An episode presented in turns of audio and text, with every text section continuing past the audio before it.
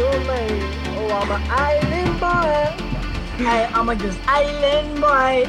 I'm a just island boy. I'ma get key white grind. You're gonna keep that gun. I'll be just staring at the I'm just out full gazing. I'm like, pull where I'm staying. They're like, you wanna be famous? I'm trying to be out the greatest. I'm a Florida boy. I got a real damn tropic. I'm like the dumb on the topic. Uh-huh. I'm an island boy. I Put my vest on, yeah, like a wagwan man. Trying to make it to the top. I'm an island boy. I've been trying to make it. I ain't seen it with a gang gang slang. You ain't just slang no kind. And through the storm, through the rain.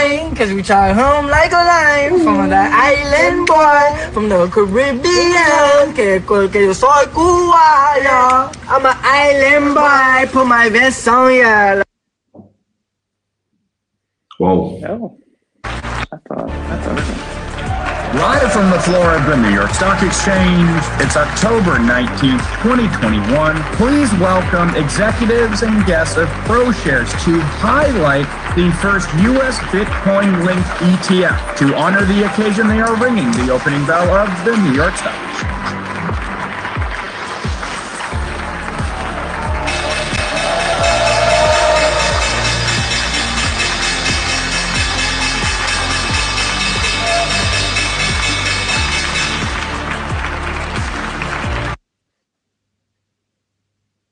Indeed. Halló, halló. Sæls. Ég vissi ekki að þeir hefðu hort á Island Boy áður en að þeir ringdu bjöllunni í dag. Gerðu við það? Mér sýnist það. Er það, er, það- er það ekki það sem þú múst að sína okkur í orða? Sko, það er orðrómurinn. Það er vist allir búin að vera að fylgjast með Island Boys. Ég er að raula þetta í haustum á mér á hverjum einsta degi núna. Ég, ég kem alveg að fjöllum, ég verða þau ekki neða sko. Já, ég segja það sama. En ég áttaði mig á, á síðara, síðara myndbandinu, sko. Það var aðeins, skýrara. það Sko, að vera. Island Boy er, þetta er mím sem byrjaði í dag. Að, Það byrjaði í gær reynda sko, ég var að raula þetta í gær. já, þetta byrjaði í gær. En, en, hérna, og Bitcoinarnir eru búin að vera að taka þetta upp. Búin að vera að photoshopa hárið á, á, á avatarinn á Twitter. En ok. setna myndbandi er ETF. Um, tí, algjör tímút. Og Já, fyrsta ETF, Bitcoin ETF, ekki fyrsta, fyrsta bandaríska Bitcoin ETF-in. Er Ok, nokkuð svo. Og já, verður kannski gaman bara að byrja þess á því. Og hann að... nákvæmlega, strákar, bara erfið spurning strax, hver eru langtíma áhrif þessa ETFs? Og svari nú. en þú veist, hvað hefur, hvað merkir, já bara, hérna, vikingu, byrjað þú, ég sé já, það. sko, ég er ekkert eitthvað svakalega hrifin á þessu þannig séð, af því að þú veist, þetta er, þetta er svolítið að trýta Bitcoin sem bara fjármála marka eða svona það er ekki verið að trýta það sem pening í rauninni sko. uh, en á sama skapi þá er þetta náttúrulega grætt stimpill frá bandaríkjunum og allir sem hefur áhyggjur af einhverju clampdowni sem það hefur heilt síðustu, síðustu ár sem er alveg orðið vel breytt þeir bara eru bara farnir núna, basically eða sem Einmitt. það er, það er engin hindrun lengur fyrir það sko. Þannig að þetta er alveg jákvæmt þannig sé moving forward skilur en þú veist, í stóra saminginu finnst mér þetta bara irrelevant þannig sé sko. Ég held ég tæki alveg undir þetta með vikingi sko. Eh, einmitt að jákvæða við þetta er að þetta er kannski svipa má segja og þegar fólki finnst ótt neikvægt sko, þetta er svona aukna regluvæðing og eftirlit og annað með Bitcoin og ég skil það alveg út frá þessum libertarian sjónamiðum sko en það er sama þá í því felst meira social validation. Mér fannst persónulega miklu stærri viðburður í Bitcoin sögunni þegar það var uh, gert að hérna lögari í El Salvador en Mhm. ég held bara munurinn sér dálítið núna þetta helst líka dálítið hendur við verðið og hæpið þá var verðið bara miklu miklu lægra og það var ekki tæp ég hugsa að ef, ef Bitcoin hefur gert að ETF í sumar í 30k þá kannski væri þú veist, það ekki einn stór hvað ég að segja, svona mikið hæpi kringum það ein- ein- eins og eins og það núna er. En ef það hefur verið gert að lögir í 70-80k eða eitthvað í El Salvador þá getur ég trú að það hefði uh, rauninni farið miklu herra meðal almennings. Einmitt. Er ekki bara það er svona nokkur ljóst að það sem að mun gerast eftir þetta ETF er að það mun streyma inn peningar frá fagfjárfestum sem hefðu annars ekki getað sett peningin sinn í Bitcoin og gert eins og til dæmis MicroStrategy. Þeir kaupa bara Bitcoinið sjálfur og, og held ég bara self-custody eða á meðan Ég það er það ekki þannig. Nei, ég held þér Custody á Coinbase. Ok, en allavega, þeir, þeir, hérna, þeir geta fjárfest í, í Bitcoin með því að kaupa það af þá svona spot exchange á meðan að einhverju svona vogunarsjóður og aðrir player sem að hafa áhuga og hafa líst áhuga á því að vera involved í þessum markaði uh, gáttu það ekki Já. fyrir núna? Samanlega, þetta, þetta gefur þetta gefur stórum fjárfæstum basically óbeinan aðgang að Bitcoin, þú veist, þeir, fá aðgang að Bitcoin verðinu og, og í gegnum instrument sem þeir þekki fyrir, skilur við. Þannig að þetta er, þetta er svo sem ágætis milliskref en, en þetta er ekki, ég held að eftir 5-10 ára þá trúi ég virkilega að það veri orðið og það auðvelt að self-custody að, að það verði orðið normið, sko. E, Vitið þið hvað er að hindra svona stóru vogunarsjóðu þannig að, að kaupa bara Bitcoin beint? Er þeir, er þeir bara limitaðir við það að geta keipt það sem er á, á kaupöllunum? Og af hverju var þá ekki til dæmis hann að greiskil sjóðurinn? Uh, no, basically. Sko, eh, Coinbase gaf út í held ég sumar frekar en vor að tíu af hundra stærstu vogunarsjóðum í bandaríkjunum væri viðskiptum við Coinbase. Og ég held að, að þeir vogunarsjóður sé allir að kaupa bara beint Bitcoin sko. Um, ég held að þeir sé ekki að kaupa afleður eða framtíðir eða eitthvað slíkt sko. En ég held að það sé bara þú veist, er þetta ekki bara það að, að, að hérna þetta er enn svo rótækt skref að fyrir þessar hefðbunni fjármálastofnarnir þó að sé ekki nærði eins rótækt í dag og sérstaklega kannski ekki fyrir vonarsjóði en ef við tökum eins og þessi, ég, er, ég er mest að geta það þegar lífeyrissjóðinni bara, bara inn í þetta sko, það voru fréttir Mm í fyrra voru tveir lífeyrissjóður einn í Ísrael, hittur er ég í Ástralíu var einn. Dollara og svo er já í, í, í hérna nýja sjáland en nýja sjálfandi, já. Já, 244 miljón dólara og það var eina sem var sko hérna gefið út sko. En það bóttið eru fleiri, fleiri dæmi. En ég held bara okkur, þú vorst að taka fund þú vorst að, vorst að samþykja þetta hérna, stjórnin þarf að samþykja þetta og annað, ég held að sé bara nýmyndi ykkur ef þið væri í stjórnin ykkur lífils og Ísland og myndu stinga upp á því að fara að fjárfæst í Bitcoin. Þó að, þó að myndu mjög margi vita það er, það, við eigum að gera það. Það væri bara, nei, herru, slökum aðeins á. Ég held að við séum enn bara Mhm. það örlí sko. Já, samanlega ég held að séum bara það örli og, og mér er samt líklegt að, að flestir, flestir af þessum einstaklingum innan þessa, þessa stóru sjóða og fyrirtækja þeir, þeir eru örgulega búin að kaupa sjálfur persónlega sko. Mhm. en þetta er, þetta er bara verið vera meira overhead fyrir, fyrir stóru stofnuna sko. Akkurat. enn sem komið er Akkurat, en verðið allavega í kjölfari af þessum lunch í dag búið að vera búminn og við erum bara bara hárspreitt frá nýjum all time highs sem er ekki búið að koma síðan hérna. Það er búið að vera bara svona smá lægð í allt sumar. Mm og hann að já, bara svona eru þið að sjá nýtt bullrun byrja, byrja núna? Hvernig eru þið svona sjátt spilast út að næsta að næsta helgu ég, ég ætla að byrja að lega vikingi ætla að byrja, byrja á þessu. Ég Ég ætla byrja. með það á með rekord að segja að það eru sjokkar að það er bitcoin þegar ekki verið 100 ást á þessu ári. Þannig að ég er enn Mhm. lifandi, en vikingi þú, þú Ég-. Já, ég tek undir það sko. Ég er, ég er mikill stock to flow believer sko. Og ég trúi að það sé rauninni það sem er bara raunverulega að kera þetta áfram, sjálfgemnin. Og eins og ég meina verði að hækki dag á þessum tilkynningum en þú veist ég meina það er, er mikill æsingur skilur, það eru margir gamblerar að joina og sjá þessa frétt og, og þannig og veist, ég meina geta alveg komið upp á morgun og veist, maður veit það ekki. En svona til lengdar er það, er það held ég sjálfgenni sem er að kera þetta áfram og, og bara áhrifin sem þessar, þessir helving cycles hafa sko. Uh, en já, með eins og þetta stóttu flóðmodeli og plan B sko, þá er hann með 100.000 average verð næstu, fram, í rauninni fram að næsta helving, frá, frá því fyrra og fram að næsta helving, þannig að við, við þyrstum svona fljótlega að fara að gerast í 100 til, að, til að það haldi sko.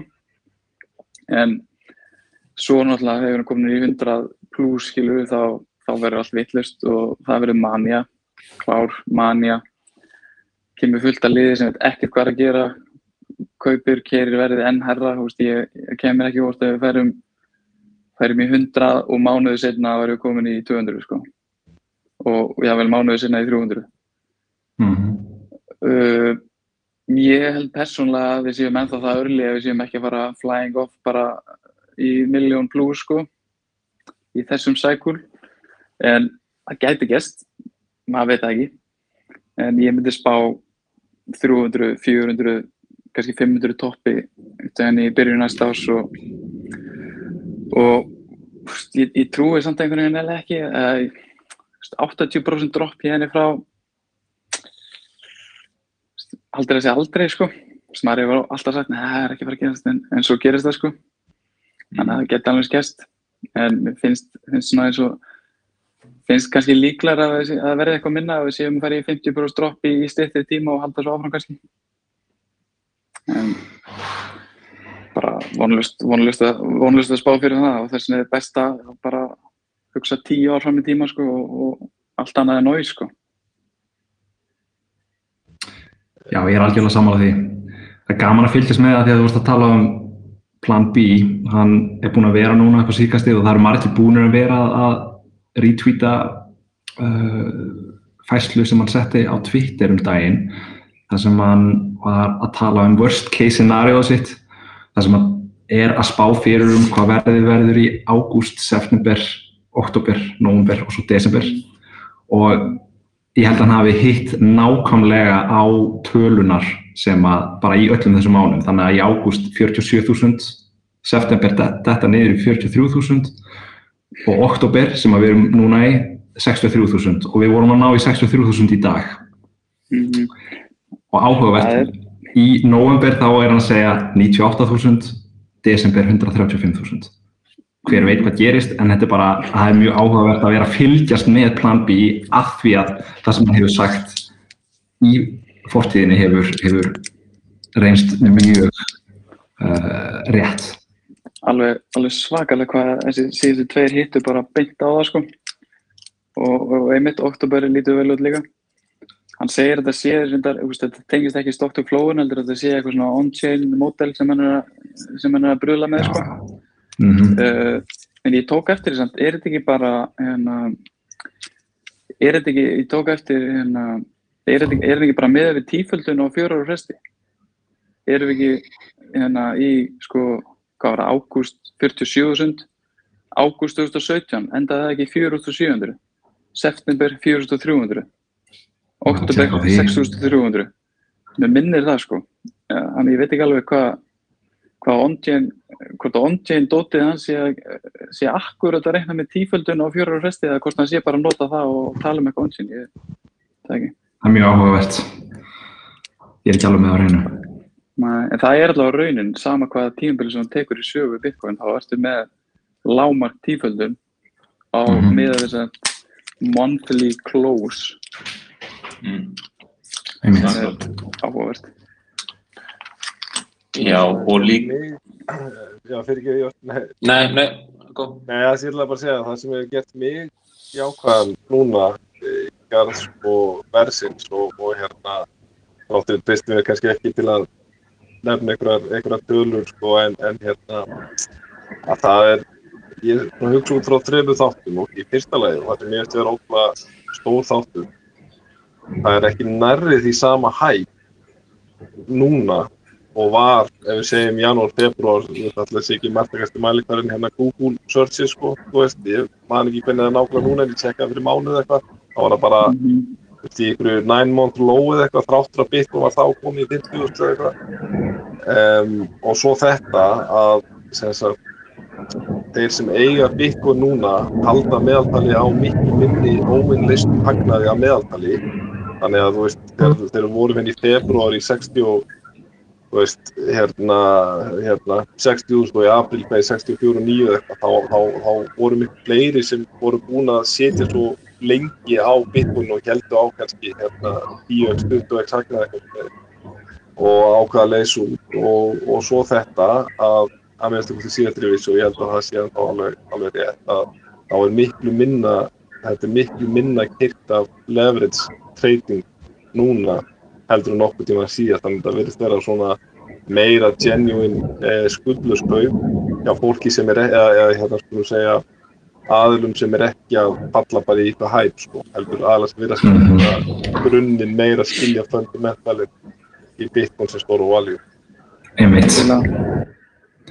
Það virðist vera, ég var að hlusta á, uh, ég man ekki hver það var, þegar ég var að hlusta á einhvern í podcasti vera að lýsa því hvernig um, sækuli var þarna 2017 þegar hann næri basically síðasta toppi upp í 20.000 þá er Bitcoin tiltölulega nýbúið að splittast í Bitcoin Core og Bitcoin Cash og síðan Bitcoin hérna, Satoshi's Vision.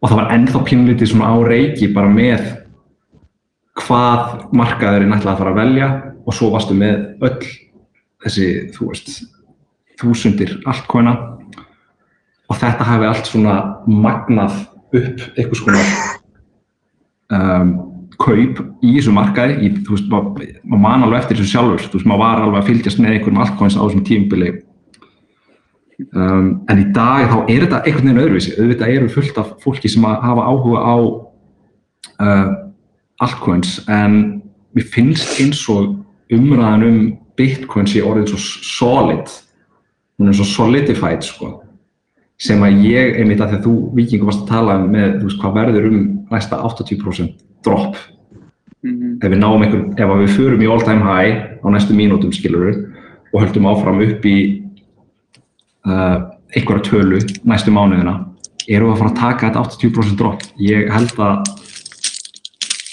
ein af svona uh, rökunum fyrir því að það muni ekki gerast er hvað Bitcoin er búið að festa sig í sessi í þessum í þessum kryptoheimi innan gæsalappa skilur af því að við erum held ég flestir svona bitcoin megin í þessu sko.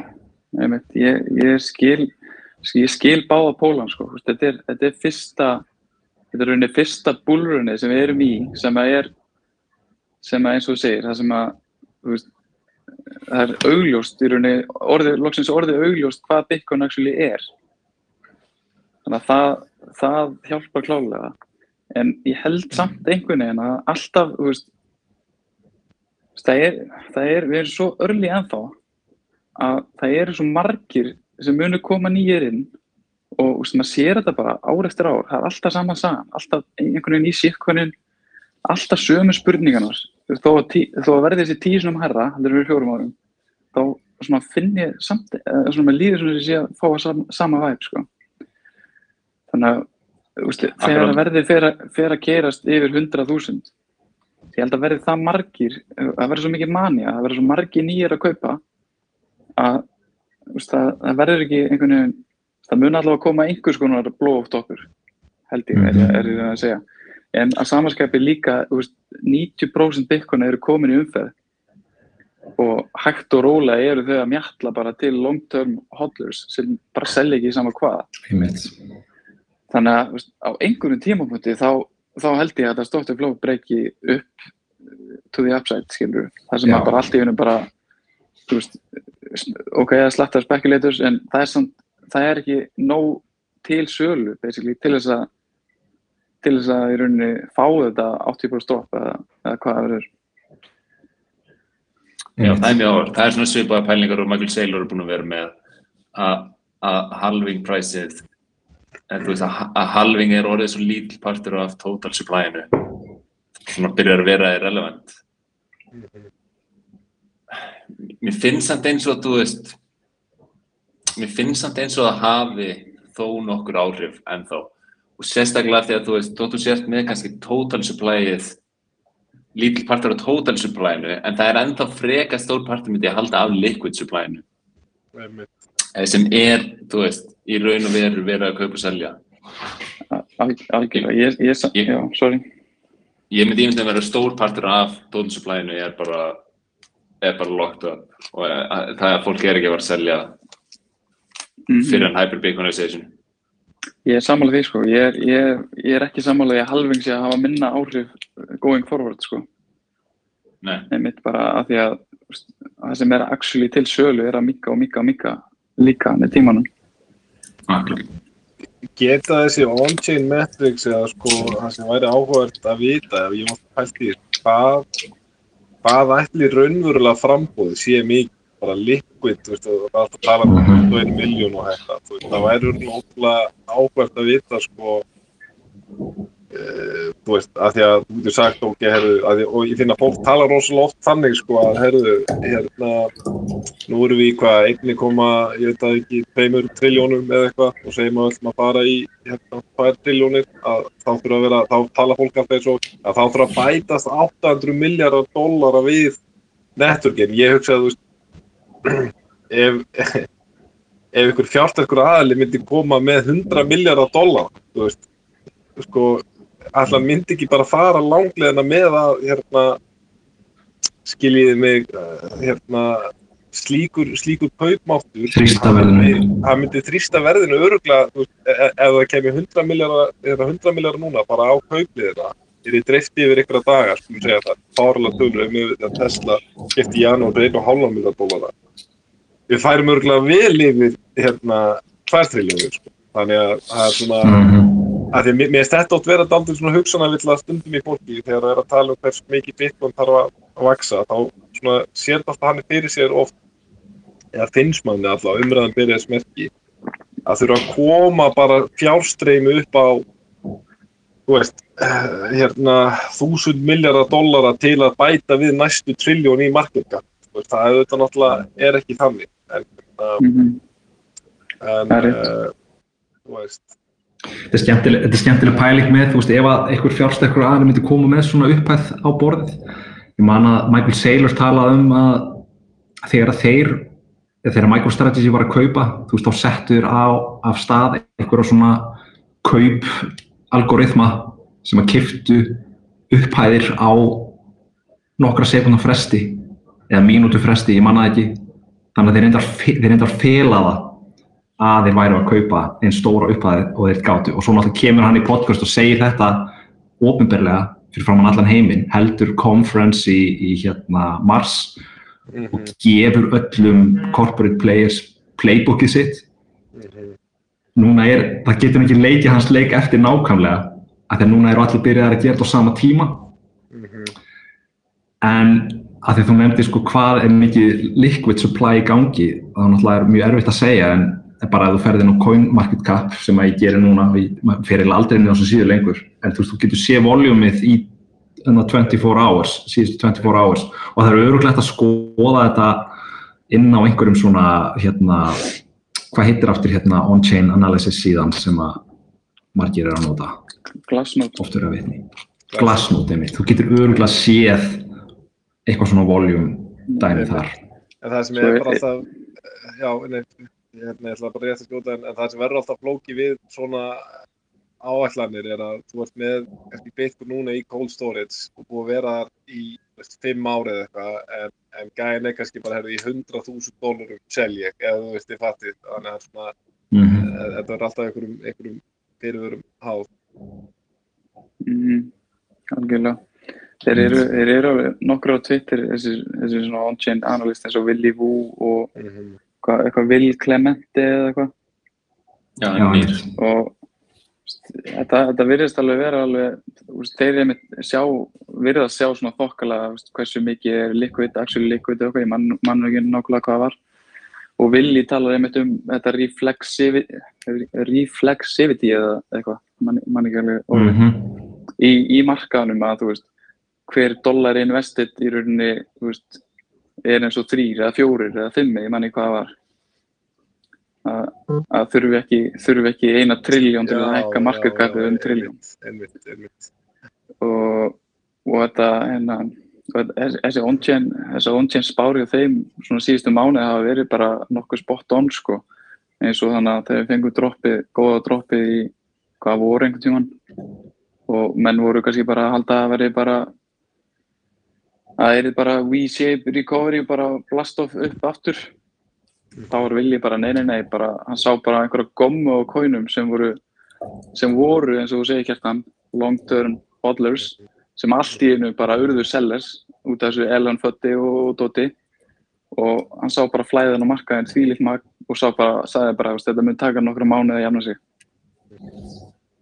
Það er, mjög áhugavert að fylgjast, fylgjast með þessu on-chaini þegar það er að líða á hann og cycle Mhm. Mér finnst þessi cycle vera sérstaklega spennandi út af Stock to Flow. Þú veist, Stock to Flow kom ekki út í raun og veru fyrir en 2018 eða 19 Mhm. já, 2019 held ég, mars 2019 eða eða eitthvað það er- og er náttúrulega búið að vera bara fríkisli nálagt spáinni en þetta er svolítið svona núna er, núna er tímumótin hvort að þetta standið að falli mm, Mhm. Bara næ, næ, næstu 2-3 mánuðir og ef þetta stendur að þá er það þá er það freka magna Mhm. Ég, er, ég hef engar áhyggjur að þetta standi, sko.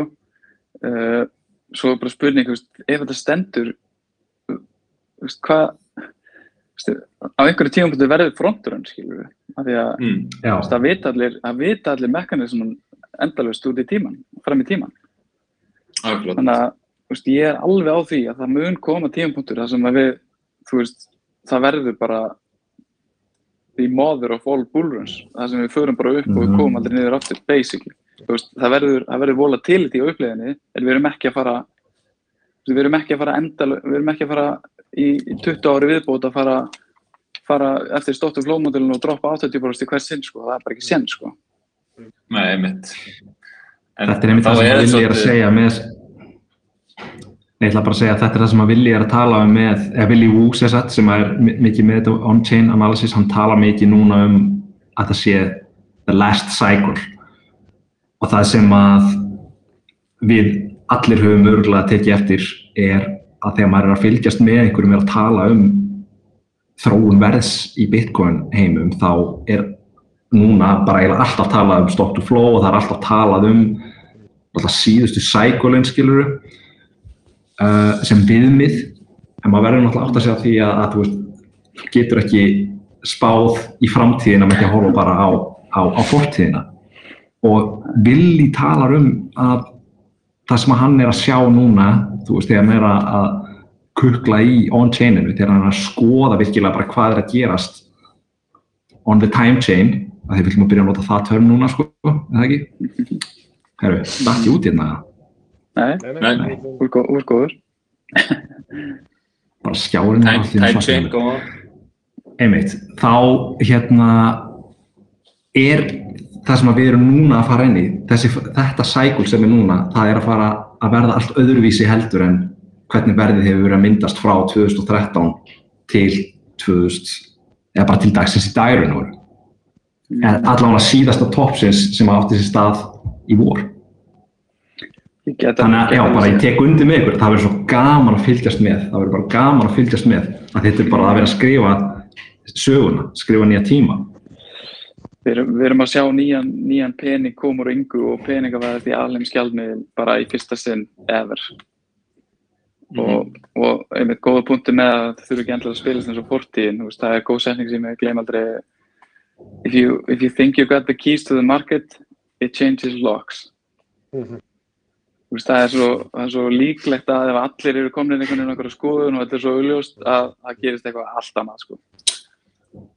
manni finnst það smá því að ég svona efast ekki um sérstaklega út af Stockton Flow að það eru margir með í huga þegar ef að Bitcoin myndi fara í einhver svona crazy hæðir eins og 200-300k í, í byrjun næsta árs að þú veist það eru margir að hugsa um að kassa, kassa út skilur og, og, og, og tryggja sér smá, smá fér fyrir þú veist neyslu eða, hvað er. En, en ein- einmitt eins og ég segi, maður veit ekki hvenær það er síðan sækulinn og einmitt þegar allir eru svona komnir á bara svona já, að, að þetta er mikið með sens þá einhvern veginn sé það tíminn sem að bara allir verða kröst sem selja og markarn bara fíkur upp. Mm, Það sem ég geti trú að, muni vera einna mesti hvatin hjá og fólki sem virkilega skilur Bitcoin og trúur á Bitcoin að þeir munu reyna að locate einhvern topp og selja einstaklingar er einfallega bara til að verða skuldlausir sko. Þú veist, verða debt free úr þessu veist, bórið að við líf Bitcoin gaggar til þess og bara þá að stapla aftur upp á nýtt, selja sig ekki alveg út sko. en hérna segjum að einhver núna eigi þrjú Bitcoin og, og skulda 50 miljón á íbúðinu sinni og hann hugsa hérna ok, þegar Bitcoin er komið í þannig að, að helmingurinn af stöðunum minni geti gert með skuld, skuldlausan veist, þá ætla ég að selja það að gera með skuldlausan eiga hitt og hérna að því að þú veist, ég held að þó svo ég sé algjörlega sammála nálgunnars Michael Saylor, það er aldrei ástæða til að fara úr superior asset yfir í inferior asset. Að þá eins og hann er alveg heiðalegu með, hann er US billionaire sko, hann er ekki að borga þú veist námslán eða íbúðalán eða eitthvað sko, hérna, hann er svona ég geti trú að þetta sé hvati fyrir fólk sem trúir því að Bitcoin sé að það er svona sama hversu búlist þú ert langur með Bitcoin, sama hversu mikið þú trúir að Bitcoin sé að bara verða aðhengið að þetta veri tímabúntur í lífi einhvers veginn sé að ég get orðið skuldlaus. Að það er orðið aldrei erfitt held ég eh, að selja ekki þarna sko. frekar en að býða af því að af því einmitt, fólk mun hugsa sko, ok, heyrðu, ég, ég veit að veist, þetta er að fara, það verður að fara að vera hyper bitcoinization og allt þetta er líklega samt að fara að koma, við erum líklega í cycle núna, svona ég, ég, ég gæti trúa þessu en, en þetta Já. veldur alltaf bara á einstaklingum sem heldur Ég- bitcoin samar, alveg klálega samanlega það munu, munu örgulega margir gera þetta sko. En ég held að munu sjá eftir því. Já, já, þeir þurfa að vera ánæði með það ákvörðin sko. ég man, man alltaf eftir tweeti frá, frá hana Peter Rockhart eða ég kann ekki að bera fram eitthvað einu sem ég sé eftir er að hafa selt Bitcoin til að borga hérna, student loans basically já, já, já. af því að, að peningaprentun er svo mikil að þessi lán, þessi lán eru rauninni að minka í virði með tímanum og, Mhm. en jú, það munu, það munu klálega margir gera þetta samt. Ég, ég, ég held að aðalatri sé að sko, ég held að aðalatri sé bara að exita aldrei konceptið. Mér sýnist þú þeir sem, maður er talað fullt af liði sem hefur selt sig út og, og, og svo framvegis, en þú veist, e, maður sé svona, hvað ég segja, svona, ég ætla vil ekki segja bitra fólkið, en, en svona, maður stundur skinnir það á liði sem átti mikið, að það er því að það, það seldi ekki bara út, það exitaði koncept, það seldi sig út úr konceptinu og þau eru búin að gera það. Þú veist, ég segi fyrir, fyrir, fyrir hérna mig sjálf, ef ég myndi glata öllu sem ég ætti, ég vil trúa því að ég ætti auðvelt með að fara að stapla aftur frá byrjun í 500k, þú veist, auðvitað væri það alltaf, það myndi alltaf reyna eitthvað á, en, en ég myndi alltaf trúa, jú, þetta er samt, þú veist, hérna, hér er peningunum mínum best varið og það er súrt að ég seldi út í 50.000 eða ledginu mínum var stólið á bara whatever eða eitthvað, hérna, en hérna, ef maður finnur þetta fólk sem exitaði konceptið 2017 eða eitthvað og hérna kom út í jafnvel einhverjum profit eða eitthvað. Það, ég finn ofta það svona eitthvað veginn það er stundum það er stundum dálítið svakalegt sko hvernig það vil fara með sálálíf fólk það er það, er það versta, versta sem getur exita basically, sko, Bitcoin koncepti það mun bara holda þig bara já, alla tíð, sko. Ég, ég er einmitt, ég er einmitt með ágætis, ágætis sögu hérna. Uh, það voru tveir gæðir sem ég þekkti, sko. Annar var mjög búlis, eða þeir voru báðir mjög búlis af Bitcoin, en annar alveg svona virkilega. Þeir voru eitthvað að leika sér leverage þegar Bitcoin var undir 10 stólur, leika sér leverage á Binance og gekk mjög vel og svo fór allt til landskólans og þeir voru bara hvað, þú veist, Jesus, hérna. Annar er að sagði, þú veist, annar er að sagði bara, ok, djús, ógeð er þetta, bara Bitcoin og krypto og allt þetta, ég ætla aldrei komin á allt þessu.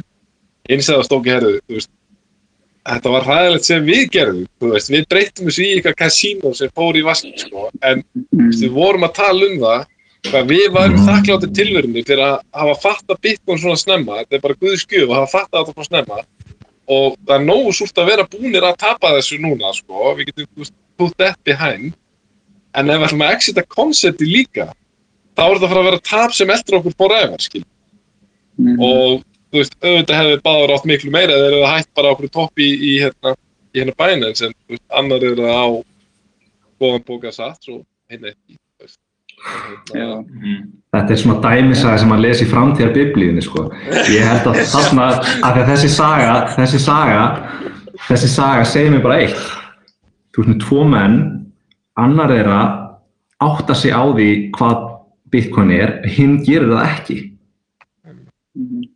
Þannig að svo sem að held áfram að stapla, hann, hann átta sig á grundvallar virðinu í kerfinu sem að er í raun og veru bara besti peningur og besti sparnað sem að maðurinn getur og hefur búið til Mhm. en hinn lítur á þetta sem gambul sko. og það er, ég myndi segja sko, að þetta sé, að því að núna erum við allir hérna fjórir búin að vera uh, að reyna að eh, við áttum okkur á þessu held ég og við, þetta er það sem við erum að reyna að gera núna. Við erum að reyna að segja fólki frá þessu, nákvæmlega þessu. Það snýst ekki um að hérna, gambla og, og þrefalda peningana inn á stuttum tíma.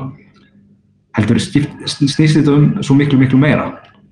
Og mér þótti það áhugavert þegar þú sagðir þetta áðan vikingur að við erum að lifa svo stórkostlega tíma núna að við erum að horfa á bitcoin peningavæðast verða að alheims gjaldmiðli. Þú veist, það er einhverju sem myndu ránkvólfa augunum þegar það er hlusta á mann segja þetta en uh, þetta er að gerast hægt og rólega. Og mín spurning er núna þessi. Af hverju við, það er enginn af okkur fjórum hagfræðingur. Við erum hérna allir áhuga menn uh, hvar eru sérfræðinganir í þessari umræðu Ég skal, ég skal, ég skal taka þennan. Uh, sko, það, þetta, þetta er svo erfitt fyrir þá. Þeir eru, þeir eru búin að menta sig allt sitt líf í, í sam, samkvæmt þeirri mentun, þá meikar þetta enga sens. Og, og egoð er svo stórt að einhvern veginn til þess að, til þess að skipta um skoðun eftir að ert komin, komin neikvæða skoðun, þá þarftu að geta egoðið og það eru bara ekkert allir sem geta það.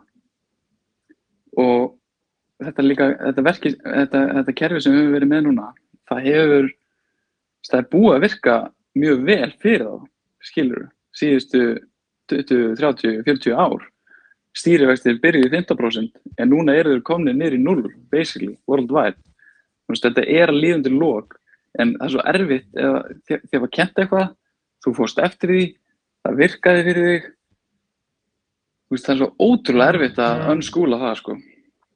og, og þess vegna voru við bara hefnir að, menta okkur að, gera eitthvað annað í lífinu heldur en það til þess að átt okkur fyrir á þessu og það er, veist, það er engin það er engin lærdómi betri en að læra sjálfur eitthvað sem þú hefur áhuga á þú myndi aldrei fá sama lærdóm út úr einhverju, einhverju skólanámi sko. bara ekki fræðilegu sko. þú veist, maður verður basically obsessed hugsa um þetta daglega, lesa um þetta daglega, hlustar á podcast daglega, mörg ár. Þannig að, já, ég held að þetta sé bara svolítið, þetta er bara erfi, erfitt fyrir þá að, að kynkja þessu, sko. Ég, ég held að sé líka bara þú getur farið eitthvað ná og en ef spurningarnar sem námið krefur um uh, ég, ég, ég trúi því bara, námið getur ekki orðið betra en spurningarna sem það krefur um. Sko. Og ég stóri efast um, allavega bara minni reynslu, uh, að það sé raunverulega spurt í hagfræðinni. Maður ætti ekki bara að skrá sig í hagfræði bara til að sannreina þetta. Sko, hérna, hvað er peningur? Ég geti best ímynda mér að það sé kannski svipað eins og bara hérna á fyrsta ári í mörgum fögum, til dæmis bara eins og í lögfræði, þá er þetta réttarheimsbyggja á fyrsta ári og þá er fullt af svona einhverjum skemmtilegum pælingum sko, og allir taka þetta. Þú veist, einhver krasskús sem er flestir lesi einhverja helgi yfir og reyna bara að fá sex og hérna þurfi ekki að pæli þessu meira. Um, og þetta er síðfræði og réttarheimsbyggja og hana og hérna en, en það var aldrei raunverulega verið að spyrja sig að þessu, það var ekkert að kafa í þetta hérna og ég held að sé að sami, ég geti jújú eflust það hlýtur að vera eitthvað peningasag og þessar spurningar hlýtur að skjalla eitthvað um sögu gulls og annað í hægtæði, það er bara annað meikar ekki selv, það verður að vera sko saga peninga en, en, en ég held eitthvað bara að námið samt raunverulega er ekki að krefja þig um að velta þessu fyrir, ekki frekar en laganám krefur um að velta fyrir réttarísum eða síðfræði eða eitthvað slíkt, þó það ætti að gera það að sjálfsög mm -hmm. og það, það ætti að vera það sama og, og líklega er það nú hérna Vægtal er það nú hérna gert sannarlega í austurískri hagfræði sko en, en, en í þessum Keynesian hagfræði þá held ég bara að hér er, hér er bóksið, hér er, hér er hérna kerfið sem við erum að fara að stúdera. Þetta eru fyrirhaggernar fórsendur, master í þær, tilengingur þetta kerfi og þeir gera það bara vel en mm -hmm. það er volið erfitt að fara að hugsa sko herðu getur verið þú ert að skráða þér nám og þú vilt bara komast í gegn sko, gegnum síun og fá okkur að gráði hendur og byrja að vinna eitthvað staðar sko. Þú að, veist, maður er ekkert að spyrja sér á fyrsta árið nám er, getur verið að kerfið sem verið er að matriða mig, sem ég á að fara í prófi hérna eftir fjóra mánu, getur verið að þetta sé bara gegn rótið og alveg á styrluðum og ójöfluði gangi ekki upp raugðaðilega og við þurfum bara að fara aftur í sjögun og koma út til að finna réttarsvarið og, og, og, og leður við vera flest sem, sem byrja með svona pælingar þeir eru líka eru þetta oft trakk sko. en í þessu tilvægli þá bara nei, þetta er nákvæmlega það sem þú ættir að vera að gera nema það að við séum allir ykkur brjálæðingar en ég, ég, ég held ekki ég held að, að samfélagi líka sko, veist, mér þykir núna til borðum það að vita sko. ég bara ok, nú erum við að fá ok, þetta er komið í El Salvador, nú er þetta orðið ETFs á, á, á hérna Wall Street og það eru bara fleiri og fleiri svona fréttir að fara hérna bera. Skildi þetta verið síðasti sækúlinn sem við heyrum Bitcoin er bóla narrativ? Eða hvað ætla að sé mörg ár eftir að að þú getur, konti bara með eitthvað annað sem Bitcoin er máli. Einmitt, en, en, þetta er einmitt máli. En Magnússon að fara að koma eftir tvö ár núna og segja að Bitcoin er í þúsundum og eitthvað Mm. Það er einmitt spurningin. Eru er, er fjölmjölar með svona þessum tímpúti kannski hættir að heyra þessum sérfræðingum, svo kölluðum? Já. Af því að þú veist, yeah. þetta er bara búið að, maður hefur allavega ekki heilt í það nýlega og þú veist, Nei, ég... þegar hefur verið að tala um Bitcoin fjölmjölum, þá hefur núna allavega nýlega verið bara til tveir og það verður svona að vera svolítið að, að, að þú veist, það sé svolítið svona hægt róla að færast frá að þeir eru kannski að gera sér grein fyrir að kannski er Gilvi Magnússon ekki með svörun þegar að, að einhvern eins og Bitcoin. Mm. En við kannski líka bara að það verður að bæta hérna viðskilur, þú veist með okkar hérna litla podcast, við höfum alveg uh, reynd að fá hagfræðinga í spjallið okkur. Og við höfum alltaf fengið, nei, því miður. Þú veist, þeir hafa það Þetta, þetta er ekkert, engin yllindi hér að baki sko, þú veist það er hérna allir bara mjög kurtisir og allt það og, og þú veist þetta skilum að einstaklingar eru einstaklingar og þeir hafa ekki tíma og þeir kannski er ekkert mikið inn í þessu. En það sem maður er samt að sjá er að svona eitt tweet hér og þar það sem þeir eru svona að skýta á bitcoin og maður reynir að fara inn í þetta heilsugar bara svona heyrðu ok, getur við bara getur við bara please farið þessi yfir þetta, hvað, hérna, af hverju segir þetta? Ég, ég og svo bara býðum maður um spjall, en þeir vilja þetta. Mm, ég held að þetta komi aftur niður á ekoinu, sko. ég held að séum komnir á þann punkt núna þeir, þeir hljóta vera að byrja að hugsa aðeins, svona að krauma aðeins in the back of the mind, bara, veist, er eitthvað mögulega sem ég er að missa af og að fara á ofinbjörna vettvang og mögulega afhjúpa það, það er bara of geri. Þeir, þeir, veist, þetta snýst svo mikið um egoið, sko, Mm. að mínum að Einmitt. Já, ég samlega, þetta er alveg, það er stór partur í því að á þá þurfum við bara, þá þarf bara mesta ego tröllið eða tröllkonuna í þessu skilur að koma fram og segja bara, herru við höfum að þetta er rátt fyrir okkur hérna. Þetta er málið. Það er algjörlega kristaltært. Það sjá það allir þessi gaurar eru búin að vera að koma á exi og tala um þetta meira sér þeir sjá þetta.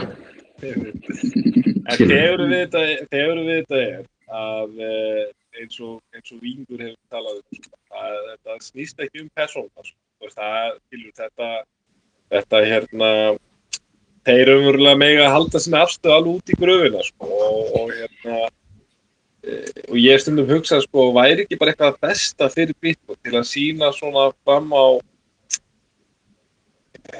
hvað er komið í algjörlega unstoppable phase, ég er stundum hugsað með mér, segjum að eh, eftir þennan cycle segjum að næsti bótt verði eh, 100 dólarar eða eitthvað svoleiðis, gefum okkur bara þetta og þú fyrir að klifra upp í næsta bótt frá, frá því og, og, og eftir það kannski er, er, eru bara ekki frekari cycle, hérna, hérna cyclear að einhver gæi tökum bara til dæmi Michael Saylor, gæi sem við vitum að mun aldrei selja að slíkur faktu myndi bara vakna einn daginn og bara herðu, ég er búinn að græða hérna alveg hellingadólum ég ætla bara að dömpa öllu hérna og selja bara svona, svona einhver svona hérna einhver svona, einhver svona gæi sem, sem þú veist eh, bara einn af aðal tegjurinn í þessu, auðvitað er hann aldrei að fara að gera þetta. En það sem ég veit alveg bara leið mér að vita eða trúa 100% Bitcoin myndi alltaf jafna sig og recover. Það er engin persóna, ekki Michael Saylor, ekki neitt, e- ekki eins og eitthvað event eins og, þú veist, miljón bitcoinin sem eru á adressunni á Satoshi, sko, myndi vera dömpa á Binance, skilur, þú veist. Jú, jú, þetta mun styrta öll í klósettið, hérna, short-term og, og jafnvel í þess til ekki væri short-term kannski, þú veist, mér er sama, það geti verið eitthvað ár, mér er bara sama, en ég er svona að fagna því dálítið eftir því að sko, eftir því sem svona fleiri Black Swan event rætast Mhm. eða, eða skulum segja gerast og Bitcoin stendur af sér að þá eitthvað einn, já ok, heyrðu, þú veist, fæn uh, að því maður fæst um alveg spurningar, já ok, hvað er bara þessi gæðir hérna fimm sammælast um bara að dömpa öllu, skilu, hvað að fara ekki, auðvitað er verið að fara í köku, í klósetti, sko, þú veist, shortur, segir sér sjálf, en hérna þetta er markað, sko, en uh, eftir sem áður, þá er fundamentalið ennþá það sama, það er bara eitt Mhm. verkfæri í heiminum sem þú getur geimt peningarna sem lekur ekki. Það er Bitcoin. Það er eina verðmættageimslan með engan leka. Algjörlega. Ég, ég tek undir þetta og þú veist, það er svo það er svo góð tilfinning, það tekur tíma að átta sig á þessu og það, það getur raunverulega ekkert stoppa Bitcoin long term. Svo getur fengið þessu eventa short term en það er anti-fragile. Þú veist, það bakkar, jafnar sig, adjustar og kemur svo töfald sterkari tilbaka. Alltaf. Og ástæðan fyrir því er bara endanlega magni. Endanlegt magn. Þessi eh, once in a species uppgötun, basically. Þú veist, e- þetta er bara, þetta er of stór kraftur til að nokkuð, nokkuð geti stöða. Þannig leiðu þú áttari á því af hverju það getur, eða hvernig í rauninni það getur tryggt endalegt magn þá bara áttar á því það er ekkert að fara að stoppa það til lengri tíma incentive er, er of mikið sko. Það virðist vera algjör svona miðurpunktur í þessu, það er að það, það er endanlegt magn. Það eru bara 21 miljón. Og það er svona, þú veist, það sem að mann hefur fundið svona þurfa að hamra á svo að fólk fari að fatta þetta. mm Og þannig að, hvað er svona, þú veist, þeir eru búin að vera að mæta í, í, í podcast og tala svona við fólk sem að veit svona lítið sem ekki neitt, kannski búið að sjá einhverjum svona frétta tilkynningar og eitthvað. Hvað eru svona, þú veist, grunnpunktan sem þið reyna að hamra á, þú veist, til þess að fá, hvað er svona fyrir fimm minna pitchið ykkar? Ég kannski Eh, byrja... Já, eða- Kjartan byrja bara, já. Já, Þú? já, ok, já, já. Byr- Byrjað þú? Um, ég hérna, uh, já þú segir fimm mínúta pissi, það er stutt að svarið, það er alveg, það er hrikalegt ef maður fær svo stuttan tíma og þess vegna var þetta ótrúlega vel gert hjá, hjá vikingi þegar það fekk nýju mínútu, uh, en en í viðtalið hérna í morgun hjá Tómas Steindó, svona alltaf briljant, þegar hann fekk að sko, hitta mjög gott að K100 en, þegar þú færð tíma Þetta er bara það margþætt, víðþætt og, og, og mikið efni að, að vera að tala um, en ég reyna allavega alltaf, svipur bara eins og við gerðum þarna í morgun, sko, að byrja á því að fjalla um hvað er peningur og, og þannig að fólk átt sá ég okkur, Bitcoin er pening, veist, ok, og það sem mér finnst vera bara eiginlega best er þegar maður er að virkilega koma fólki til að skilja bit, hérna, til að skilja Bitcoin, að raunverulega tala ekkert um Bitcoin í raun og veru, að tala um fiat-kerfið, tala um sögu peningar, tala um hvað er peningur, tala um af hverju hérna harður peningur gengur upp og þú veist bara ótrúlega áhugaverð dæmi í sögunni þegar hérna ríki það er alltaf þetta, það eru ofinbjör útgjöld og stríðsbröld, þú veist, lélegar ákvarðanir sem til þess að þú verður að fara úr hörðu peningi í, í hérna mjúkan pening, það er að finna gullið, þú veist, þetta er Bandaríkin og Vietnam, stríðar, Rómaveldi, mjög áhvert að sjá til mér.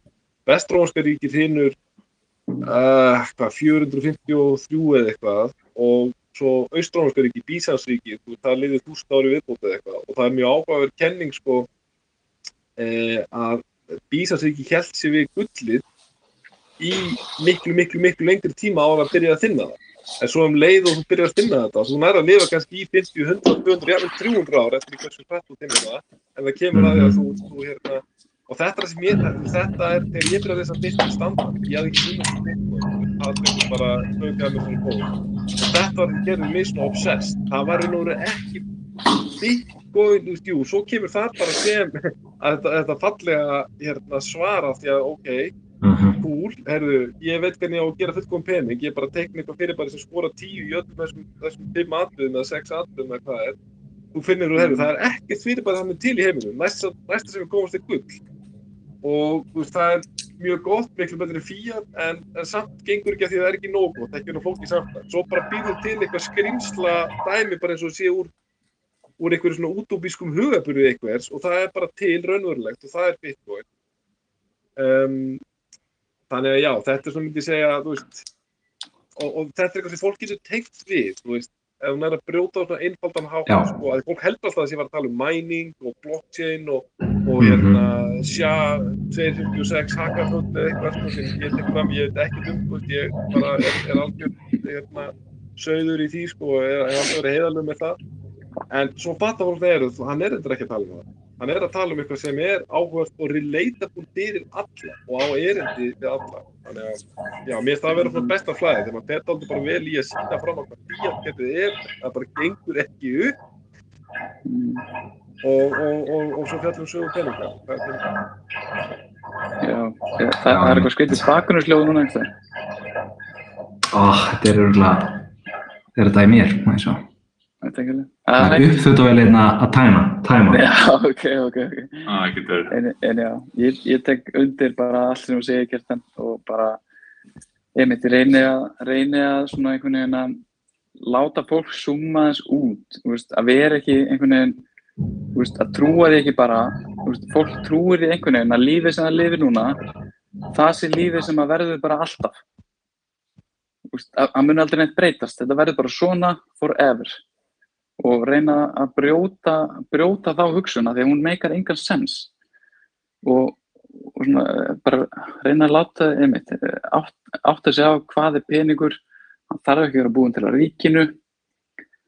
Og, og svo fókusa mjög mikið á sjálfgefnina, þú veist, að sig á sjálfgefninni og er svo, maður heyrir svo oft bara, já, fjárfyrst í steipu, steipa er alltaf solid, þú veist, áttara á því af hverju fasteinaverð er að hækka.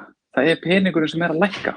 Þú veist, þetta er svo, það er svo margt sem að margt svona sem fólk veit en, en hefur ekki hugmynd um að það tengist peningnum. Mhm.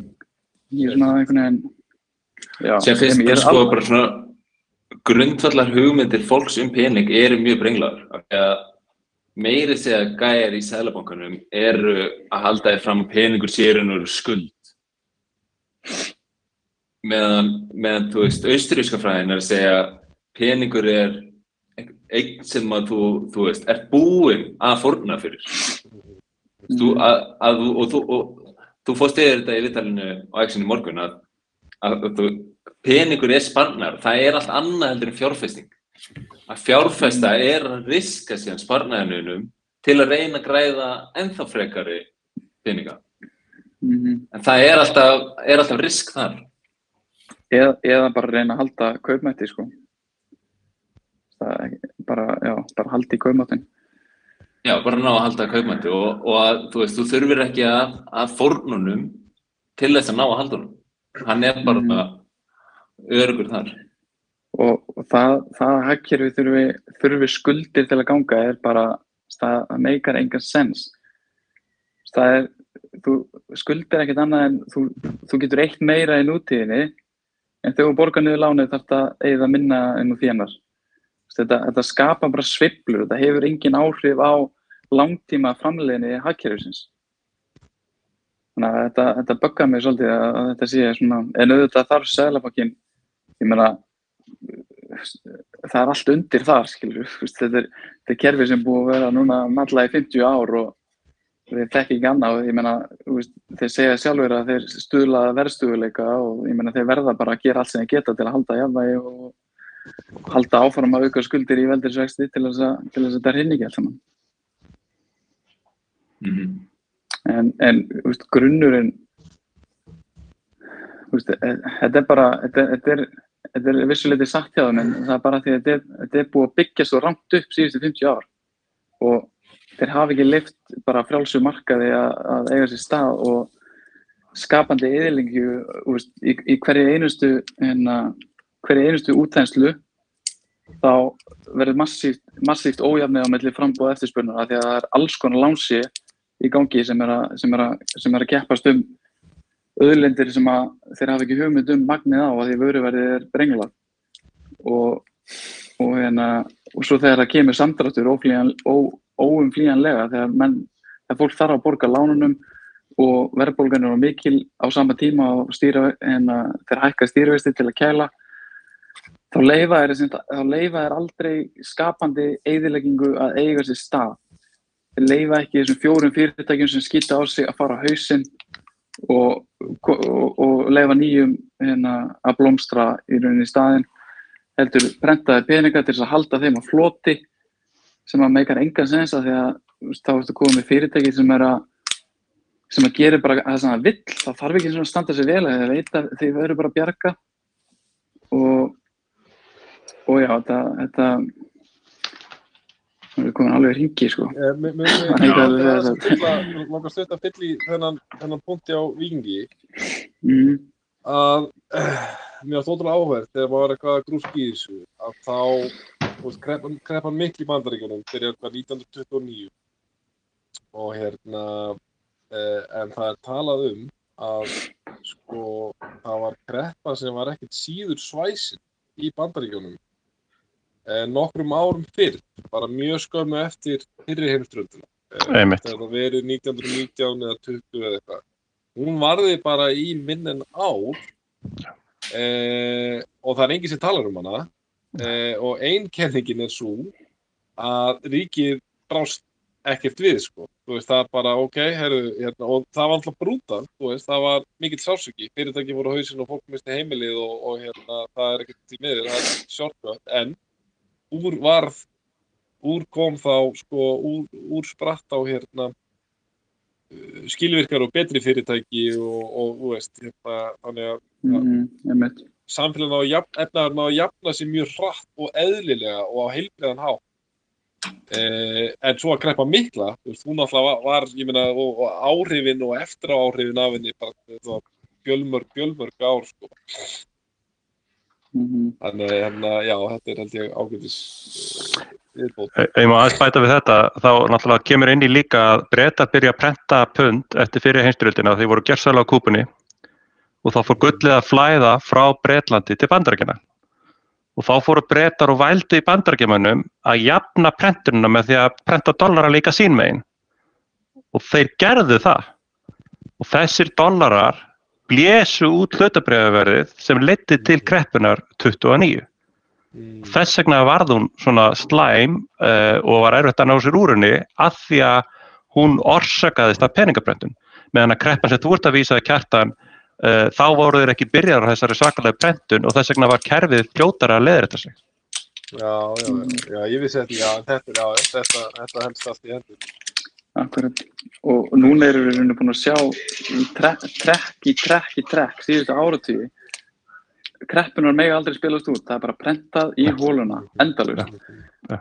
Og, og núna erum við basically að vera komin að endastöða því að þeir get ekki í rauninni, þeir get ekki örfað lengur með að lækka stýrvexti, þeir eru komnið í nulli. Og þá, þá er bara peningabrendun eftir sem við sendum til bóða. Og þess vegna held ég að, veist, ég held að séu margir að vannmeta hvað það er stutt í líka bara endalógin á núverandi kerfi sko. Það sé bara Bitcoin sem er að fara til tungsins. Veist, ég sé ekki núverandi kerfi lifa í tíu ári viðbót sko. 15 En kannski. mér, mér langar þá að spyrja, sá ekki þetta, sko, að ég oft bælt í, Mhm. ok, uh, Bitcoin er algjörlega smíða til að fara í öfu átt við þetta, sem sagt, bara að segja, uh, þegar, þegar, þegar, þegar þú áttar á því að, að peningurinn sem þú heldur á og eru nú veru allir þeir eignaflokkar sem, alla, sem, sem þú notar sem verðmættageimslur, eh, eru göllum háð að þá myndi átt að á fyrir en síðar. Bitcoin er leiðin til að geima verðmætin. En ég spyr mig í millitíðinni, gefum okkur að verði stórgóðslegt hrun bara 2008 já núna bara eftir nokkra mánuði. Ég meina stundu spyr maður sig bara er nánast af hverju er það eiginlega ekki að gera sko núna? En já ok. Uh, og það. var aldrei forhaldið að vita þetta með Ever, hérna, með, með þetta Evergrand að, hvort það komið meir út úr þér, en já, gott. Úr Mhm. Þannig að ég spyr mér, hver verða fyrstu viðbröð við bit? Haldið að það verði um leið og það gerist, þá fattar fólk að eru nú fyrir stökkur í Bitcoin eftir og bingo, eða mun Bitcoin Mhm. fylgja með til að byrja með, og svo rísa úr öskunni eins og fönugsin að því fólk átt svo að því. Einhvers þar verður að flýja með peningin, og þetta er eina sem þú getur flúið með hann í. Alg- Algjörlega. Ég, ég sé þetta fyrir mig þannig í fyrsta lagi að þeir, þeir munu ekki leifa hrun að gerast. Þú Veist, það, það vill enginn að það gerist og það verði hans arfleð. Bara, já, pappi var í stjórnina og það var bara alheims hrun. Þannig að leiðu það verða ummerki um það, eins og til dæmis þegar COVID-droppið var hann í fyrra. Þegar allt hrinur, þá prenta þeir bara gigantíst í hóluna áfram.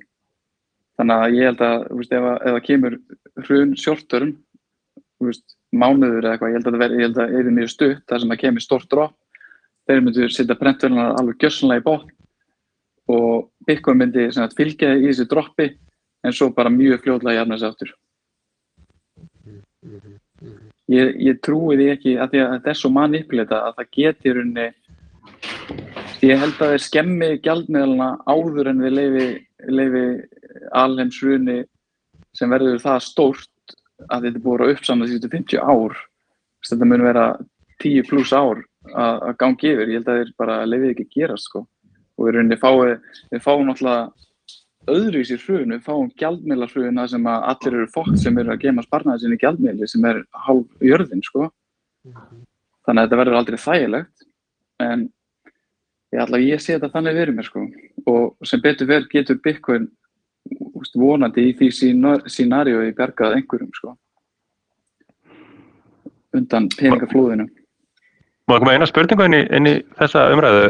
Uh, Þegar að það nálgast hrun eins og í hruninu 2008, uh, er það ekki þá oft þannig að til að stoppa í gatið, þú veist, lánadróttar ganga á lánið af því að það er að falla á þá, skiluru, Mhm. selur fólk þá ekki bara allt sem hönd og festir til að reyna að stoppa í gatið? Se, selur fólk eignir til að reyna að borga skuldin mennur ja. Og, og Þe- Bitcoin þegar að- Bitcoin Það vantar líkvægt í, í, í kerfið, skiluru. mm, og hlutarnir eru, að- eru að falla þá er bara Mhm. panikvel til að reyna að bjarga sér og þá er bara skiptir einhver máli hvað það er, það er bara allt selt til þess að, til þess að þú Ég- falli Var það ekki ekki það sem að gerðist í, í Weimar hérna Germany þú veist, Eh, þá, nei. þá hérna var, Já, það, það var, var það ekki voru ekki allir byrjaði að selja eignuna sínar þarna þegar að byrja þegar hyperinflation fór á, á fullskrið Jú, ég, ég held að það hefur verið öfu átt sko, þá var fólk að, að því að, að, því að verðbólgan var að verða svo mikil fólk, en fólk trúði ekki að gjaldmiðlinn var að skemmast að það held að vera að vera ríkt og þess vegna seldi eignir já. til, að, til að kassa inn á, á profitinu mm sko. einmitt. Uh, en til að svara hinn í spurningunni þá er henni sælabankanir sælabankar bara allar landa stígur henni inn og bara búa til pening úr þunnu lofti sem að þeir getur svo nýtt til þess að kaupa en að þeir kaupa ríkisbref til dæmis bonds og, og fleiri svona fjár eignir og það er henni þá ítir undir veist, þeir sem eiga þá þær eignir þeir, þeir hafa þá er henni meira á milli handana eins og bankar til dæmis sem að þeir geta þá einhvern veginn provæta liquidity út í samfélagið með, með lánum uh, lá- lána þann pening út sem þá fyrir að se- selja þessi ríkisbrjöf til dæmis og, og fólk hérna já, með.n og, og, og shit, það dóttum mér. En, en, en, basically koma, koma sælabankar bara í rauninni peningi umferð í gegnum, gegnum bankana þannig séð. Og já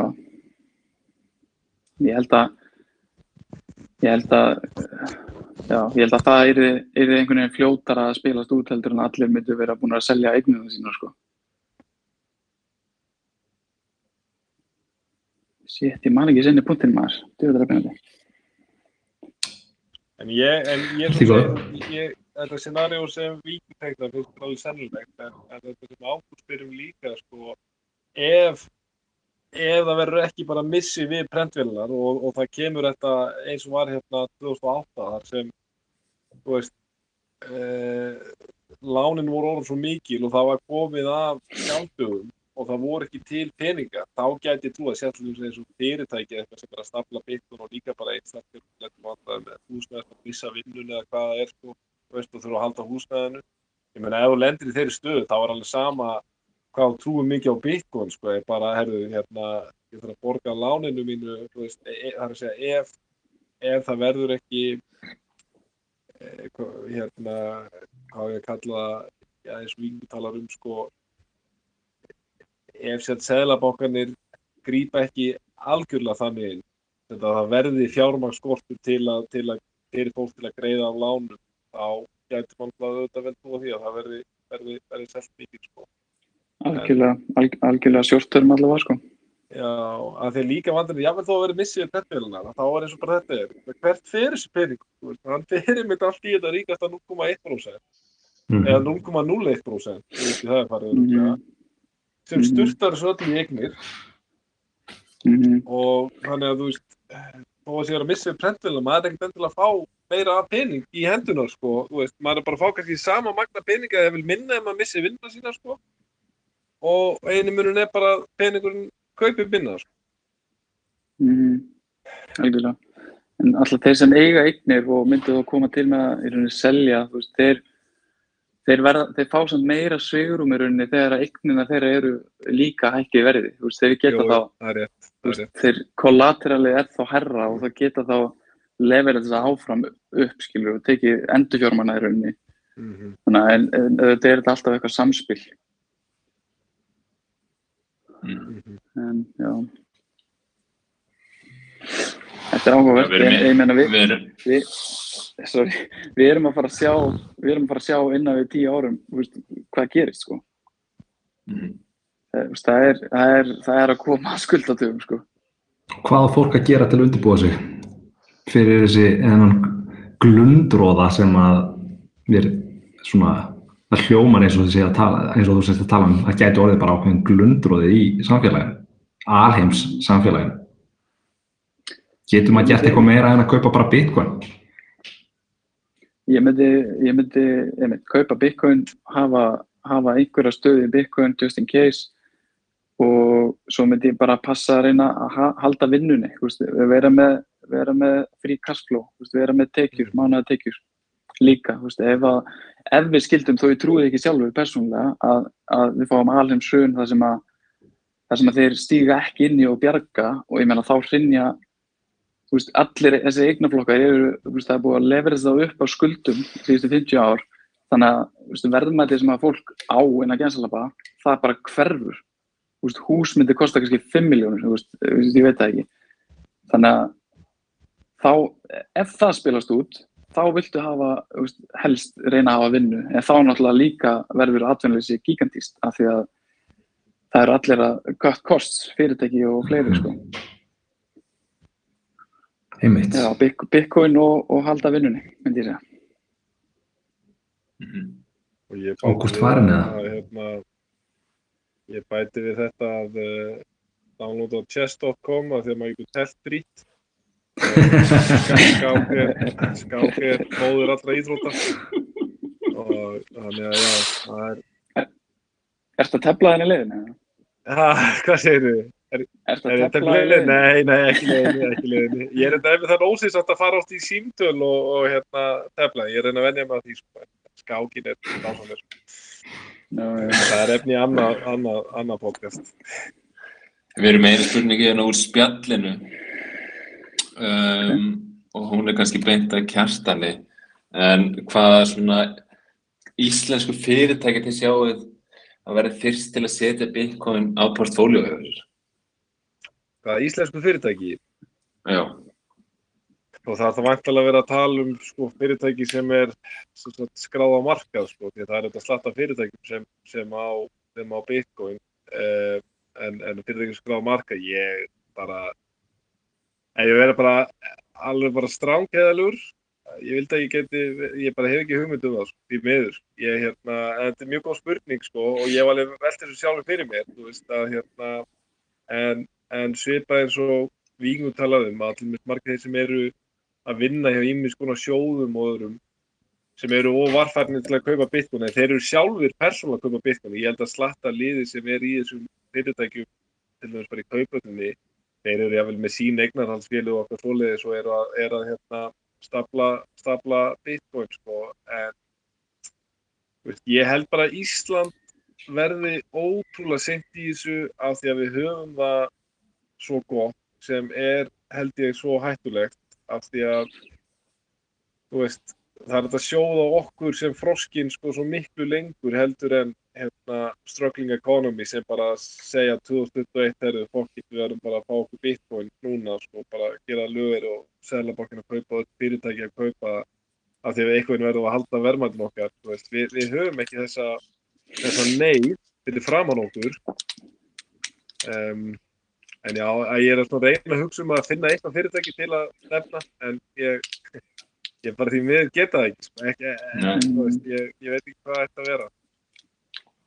En það kemur að því. en það er alveg talsvist að fyrirtækjum sem eru, það er alveg talsvist að fyrirtækjum sem eru, já. eru að stafla. Já, ég við getum, ég má alveg segja það að við erum alveg með eitthvað 50 fyrirtæki skráð á, á hérna myndbögg, sko. Og það er eins og gengur ekki allir sem kaupa, þú veist, en, en, en hérna, já, já, það er alveg, það er alveg áhugi, sko, og, og ég meina, þú veist, það er fyrirtæki að versla annars þarna á myndböggum, skilur þannig að, hérna, ég get alveg því að, þú veist, þetta er allavega að skipta tugum, uh, jável yfir hundrað, og, en við erum að tala um í flestum tilvíkum er þetta, þú veist, uh, einhver lítir eignar, eignarhaldsfélög eða skilur við, við erum ekki að sjá einhver hérna stór fyrirtæki sko, að sjá bara svona hérna þú veist, þú ert annarkvæmt bara í einhverju litlum rekstri og ert búin að safna einhverjum miljónum eða, eða með fjölskyldu eignarhaldsfélag. Þetta er, þetta er svona þessi tegund af fyrirtækjum sko. Já, Akkurát. Við vorum einmitt að tala um hvað það væri fyndi sko, eða myndi svo bara einn dag bara poppi bara Marel HF eða bara eitthvað, eða kemur bara þannig fyrirtæki bara myndi skrá sig sko, það er rosalega Fáum bara einn svona íslenskan Michael Saylor. það er svakalegt. Uh, og þú veist, en, en þetta er þetta ekki alltaf þannig, þetta er eitt af því sem svona uh, þú veist ég man ég hugsa á sínum tíma þegar Bitcoin var í tíu þú veist, og maður fekk bara svona algjör af manni og maður hugsaði á maður að selja íbúðuna sína og bara fara á leigumarkaðan og kaupa Bitcoin þá alltaf kemur hugsun bara ákveðin eða hann alltaf klikkur skil en samt vissi maður, það er samt örugglega rétt að múið, sko, þú veist, en það er bara einhvern ofbila til að gera. Það. Og ég held að þetta sé svona uh, tappegangurinn hjá mörgum, sko, hérna, hjá mörgum, hérna, fyrirtækjum, þú veist, bara, heyrðu, Bitcoin er mál, en ég er bara ekki að fara að vera gæinn sem pizza þetta á næsta, næsta stjórnarfundi, sko, herri, ég held að við erum að fara að köpa Bitcoin. Mhm. Já, Og þá kemur það örgulega inn á sama ást að tala um með hagfræðingarna, sko, það er hefðin, það er, þú veist, það vill enginn vera, það vill enginn setja sig svona upp sem the crazy dude, skilur Nei, og líka, og ef þú hafði rátt fyrir þér í þessu, þá hafði þú svo svakalega rátt fyrir þér af því að það er engin að kalla þetta, skilur. En ef þú, ef þú bara settir fyrirtæki í þrótt af því að öll önnur fyrirtæki fór í þrótt, en þú hefði getað bjargað með að kaupa veist, þá getur þú bara gæðis að já, ég hef líka alveg bjargað að ég sett allt balansítið á, á Lakers á móti Pistons, sko, og hérna Lakers tóku það, sko, hérna, þá getur þú verið bara ságæði, sko, en, en, En það er hægt að kóla þig út ef það bitcoin í 60.000 og það var narrativið, nota bene, þegar voru, vonasjóður og, og mörgunum fyrirtæki að kaupa þetta í 60.000 að það var bara svona, já, herðu, þú veist, núna bara bindu enda á þessa vitleysu, sko, að bitcoin fór svo undir 30.000 bara, herðu, já, nú bara, þú veist, bara að virðulegir, hérna, eigendur og, og hérna, stjórnendur fyrirtækja, sko, bara, skulle hafa þetta sér þetta rugl í hug út af því að einhverju YouTube Moonboys er að tala um Bitcoin, sko. Þetta var narratífi og, og náttúrulega Bitcoin samfélagi þú veist, bæði náttúrulega fekk enga aðteglu og var í sárum til að svara þessu en núna svona, herðu vonandi heldu að fast í, fast í satsum ykkar og þá eru þið bara í góðum málum já. Mhm, Ég, mér, mér líður svona eins og við séum samt, það fer að koma að því, að þeim tímapunkti sem að það snýst við, basically. Það sem að það fer að verða, það fer að verða vandræðilegt þegar þú ert að stjórna einhverju fjármála fyrirtæki eða eitthvað, að þú sést ekki búin að kaupa 1% bitcoin. ég er mun, þetta, mun flippast mjög fljótlega held ég, sko.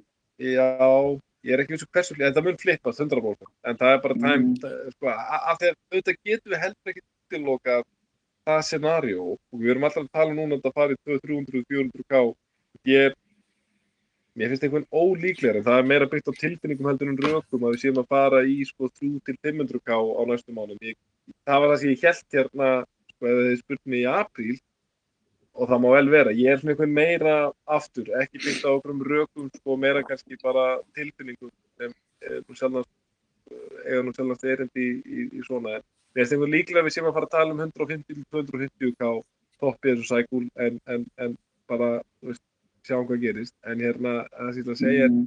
það er heldur ekkert að útiloka það scenario að eitthvað verði þess valdandi að þetta gerist ekki þetta spilist ekki svona út. Þetta kannski fari í, í hérna 110k og svo krassi niður í veist, 50 eða eitthvað. Ég bara, þið skiljum, e- eitt hefur Bitcoin gert manni á svona, svona stuttar tíma sem er í þessu Bitcoin getur gert ótrúlega hlut og það gæti alveg trú að hæja þess á þessu ferli sko en ég, ég tekka fram, ég þetta scenario sem ég tekna núna síðast mjög ólíklegt. En mér fannst líka mjög ólíklegt að fara undir 30k ég hefði svaraði mjög kókurustu við erum aldrei að fara undir 30k aftur þegar 65k sko. Þú veist, ég, ég, ég, var ekki til að- ég var ekki til þess að sjá það fara niður fyrir 50k og ég viðkynni, ég man ég, þetta var neina þeim dögum sem maður var límtur við gengið hana þegar þetta var að krassa hana ég bara, maður var bara, hefur, hvert er það að fara? Þegar það fór niður fyrir 30 ára bara ok, er núna að fara að koma bara styrta niður í 20 þú veist, þannig var bara stemmingin skilur, hvað, þú veist, það var bara hérna, þú veist en uh, zoom out, það er bara alltaf svarið, zoom out. Það Alltaf zoom out, sko. out. Ég held að þetta kennir okkur sko að því að, einmitt, maður er rosalega rólegur oft í Bitcoin heimum sko en svo þegar hlutin fara upp eða niður þá bara þá, þá fer hausinn á annan stað. Þannig að ég sko hef ekki að því ég, ég byrjaði ekki í búlrönnunni sem var að fara úr 1000 upp í 20 sko. Þú veist ég kom inn í þegar þetta var einhvern veginn komið dálítið hátt þangað upp. En í dag þá erum við mjög líklega að fara að fara miklu, miklu hærra á stuttum tíma og, og hérna þetta er bara ný upplifun sko. Þannig að maður veit ekki nákvæmlega hvernig hausinn á manni verður skrúaður, maður svona segir við sjálf sig, já maður verður mjög cool og allt það.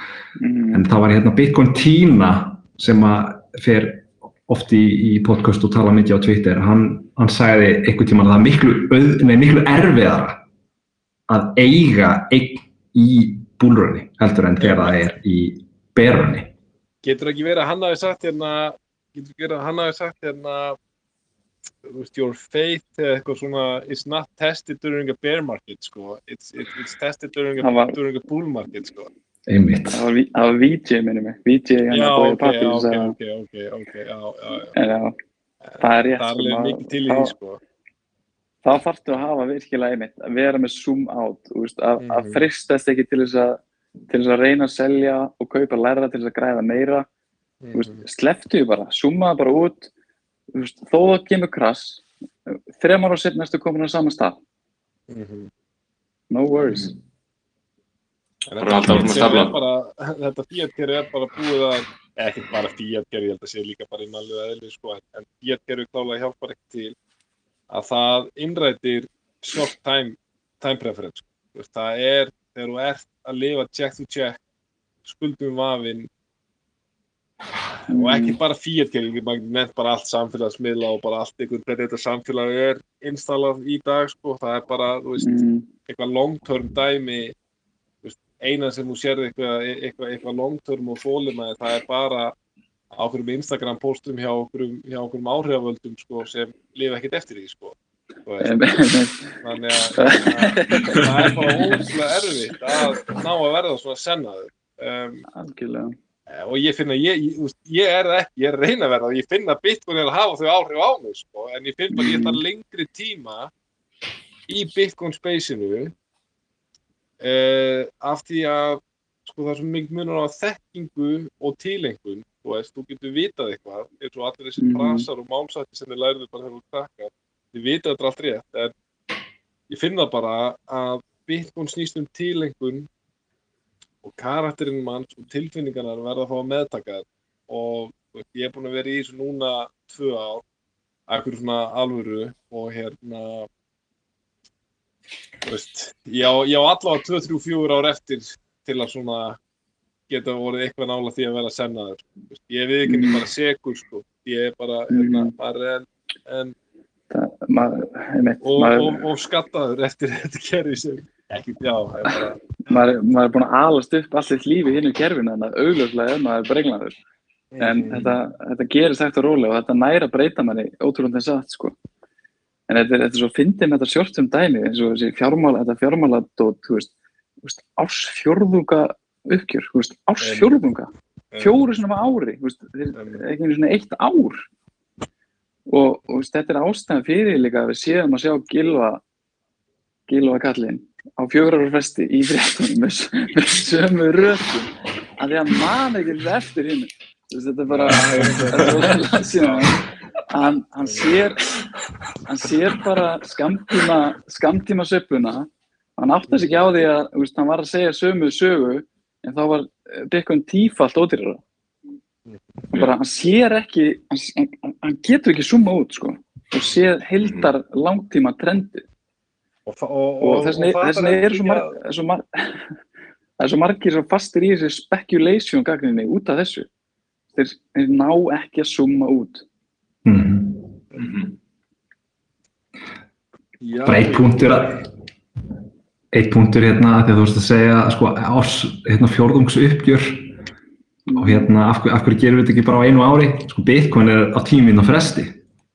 Það uppfærist á tíminn á fresti og þú þarft ekki neina endurskoðendur eða neina lögfræðinga eða hera fólki til þess að fara yfir ykkur tölur.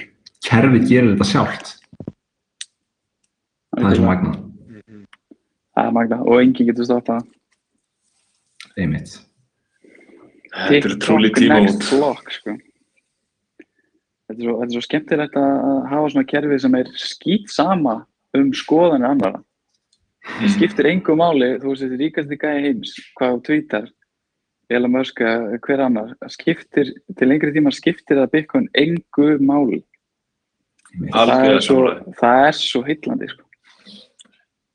Bitcoin hefur aldrei verið með eitthvað eins og það verið kallað bad image problem þú veist, að þessi notað glæbamönnum að eitthvað, hérna er alveg sama og það heldur bara ótryggt áfram sinni leið að, að því að vera global, global reserve í gjaldmiðl Mhm. það er bara magna að fá að upplifa þetta þú veist, að fá að vera lífið þegar mannkinni upplifar orkupinn. Þetta er bara mikilvægast að uppgötun sem að mann, sem að þú veist lífverða getur komið í tæri við. Bara punktur algjörlega. Og svo, og svo sé maður gæja sem að einhvern veginn uh, fara að gambla skilur við, þeir fara einmitt, þeir, þeir áttast ekki á því þeir hafa bara valju það mest uh, bara verðmætasta í höndunum ever og sem, sem verður forever að mínum að það mun ekki koma annað sem verður verður verðmættara, þetta, er- búið að fullkoma og þetta, er búið að ná það langt að það verður ekki stöðva og svo eru menn einhvern veginn að, að, að lefir þetta sig í gang og, og bara detti, detti í græðki sóluna og maður hefur séð bara hlæðilega sögur skilju þar sem að menn eru eins og í flössuna hana síðasta í vor þar sem að hérna þá, þá sagði einhver söguna voru tveir félagar sem, sagt, sem að voru búin að býða skilju eitt og ár eftir þessu rönni þeir vissu að það var að að koma. Uh, nema hvað að eh, annar þeirra sem bæði vegi var að gamla með þúsund bitcoin Oh my god. hann tapaði þeim öllum Oh og, og fyrirfórsir í kjölfærið Yes. Wow. og veist, vinnurinn tweetaði þessu bara, veist, bara stay off this shit og þú veist, þetta var líka femmar til að hugsa skilur gæðan átti þúsund bitcoin þú veist, Yes. maður áttaði þessi á og fór maður að pæla þess meira í þessari græðkisvölu þú veist. Græðkin er endalus það skiptir í ef, mál þú- ef, ef, ef, þú, ef þú getur ekki hamið þig með þúsund bitcoin þá myndu aldrei geta það. Ef þú nær að breyta þeim í 10.000 bitcoin þá myndu vilja 100.000. Þú- Þetta er, þetta er endalus, þetta er endalus eld, góður- eld, eldingaleikur eftir einhverju sem að þú, þú mynd aldrei ná fullir í ánægu út úr. Hann ætlaði bara að komast í 21 miljón. Þá hefði hann verið svona nokkuð, nokkuð segið.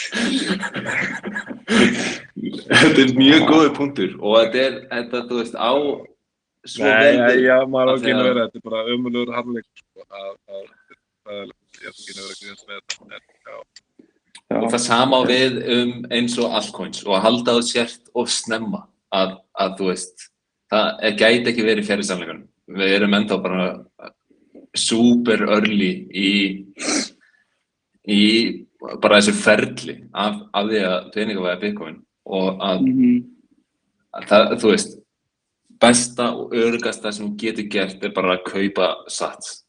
Af því að þú getur bókstilega ekki ímyndaðir hversu verðmættir þér eru. Mhm, og þannig að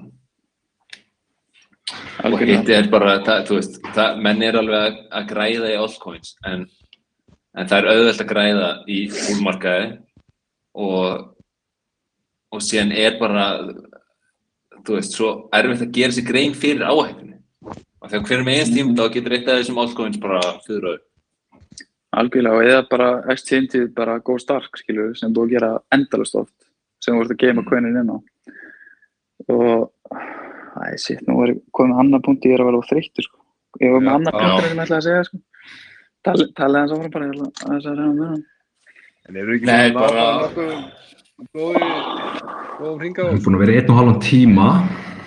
Jú, Já, ég, ég ætla að koma með punktin hana, ég myndi það, ég ætla að koma með punktin til þess að reyna að á- átta sér betur á hversu örli við erum. Þú getur þú veist, 21 miljón bitcoin deilt með 8 miljórum manns, 0,0025 sirka á mann, sem er svona 20.000 í dag. Og ég myndi það er eftir 50 ár, þegar þetta er, þetta búið að peninga á þetta fullu, þá ertu, þá, getur rauninni keift keft í dag fyrir 20.000 krónur upphæð sem að einstaklingur, meðal einstaklingur er heila eilífð, heila æði að safna. Pælti í því. já, Þú getur, þú getur keft 20, Það er- þú getur keft, þú getur keft 20 í hverjum einasta mánuði, flestir ætti að geta það, veist, allavega eh, 10 í mánuði eða eitthvað, en þú ættir að geta stapla þú ættir að geta stapla bara á næstu fjórum árum basically áhættulaust ef þú ferir rétt að nokkrum bara, já, bara mörgum manns lífum ma, mör, af mörg, auði já, já, mörg, mörg 20 skallar mánu, þú veist, þetta er alveg bara svona- Ævisparnaði margra, margra manna. Já, Mm. það er rétt. sko. og, og, og við, við erum örli sko það er einmitt þannig, bara, bara 20 skallar mánu, þú veist, er að fara að gera þig bara fjárhagslega frjálsam á innan við nokkurum árum. Þannig að, þú veist, já, bara ekki vera greedy, og bara stapla þig sats örglega og geymdi það á pottið og það eru mjög margir sem eru alltaf fastir á því að að fjárfesta fyrir hærri upphæðir. Og þetta er náttúrulega bara miskilningu sem að er einhvern veginn, ég veit það ekki, mér finnst bara einhvern veginn eins og að kynnslóðinu fyrir ofan okkur, bara svona já, maður setur hérna halva miljón eða miljón í eimskip skilur þú veist, þetta eru svona stórar upphæðir þegar að tala um fjárfestingar. En einmitt, það einmitt. á í raun og verið ekki að horfa á Bitcoin sem fjárfestingu, þetta er, þetta er bara sparnar, þetta er bara, þú færð laun eftir vinnu og þú leggur það inn á sparnareikning.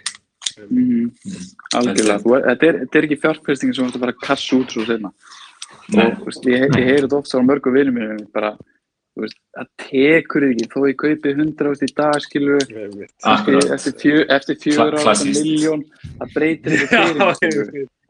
Bara, what? Hvað er þetta að segja, Ég veit það, þetta er fólk tala. Það er bara, Um, já, ég finn ok, þó, byggur í 50.000, já, ég finn ok. Þó að fara í 100.000 og eitthvað. yeah, Og hvað, og ég kaupa fyrir Það- 300 skall. Bara, þetta, er alveg máli, þetta, þetta er tvent, þetta er partur af short-term hugsuninni sem er búið að alast upp í okkur. Og, og, og þetta er líka ég, nú, ég er bara fann að gleyma öllum punktunum sko. en, en, en basically er þetta já, þetta, er líka þetta er líka það skilninglis í rauninni að að- allavega samkvæmt okkur skilur að, að þetta, þetta er þetta er það sem er að fara að taka yfir skilur veist, þetta er þú munt eiga þetta á einhverju tímapoti 100% hvort sem þú kaupir þetta núna eða farið borgað, útborgað í vinnunni þannig að, þú veist, að maður sé á setn eða þetta takið þig ekki það meikar engan sens Nei, það er eins og það er þú hefur að þú veist, það er, það, það er eins og að við ta- telja að þú sért of seinna að taka upp rafmagn. já, Þú ert aldrei Einmitt. sein. þú ert aldrei á setn einmitt Þú bara, þú veist, þú- og því fyrir því, fyrir því betra. Mm. En, en, og líka það að fólk gerir sér ekki grein fyrir compounding. Að kaupa í hverju mánuði s- steady og gera það í hverju mánuði, það andar upp og bara á, á nokkrum árum, bara, veist, það er lígilegt hvað þetta er fljótt að gerast, en á innan ártíði þá getur bara verið komið auð sem að þú hefðir aldrei getað dreymt um. Mm. Bara ná í rétti eignina og, og staflunni.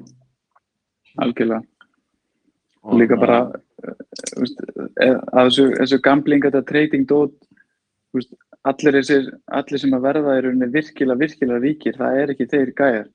Það eru gæjarnir sem að hafa fundið eitthvað sem þau höfðu bara óbyrlandi trú á og bara heldu því, bara seldu það ekki í 10-15 ár.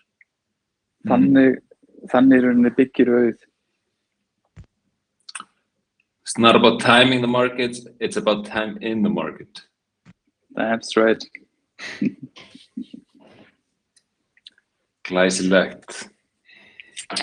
já, Herru, þá bara segjum við þetta gott í, gott í kvöld.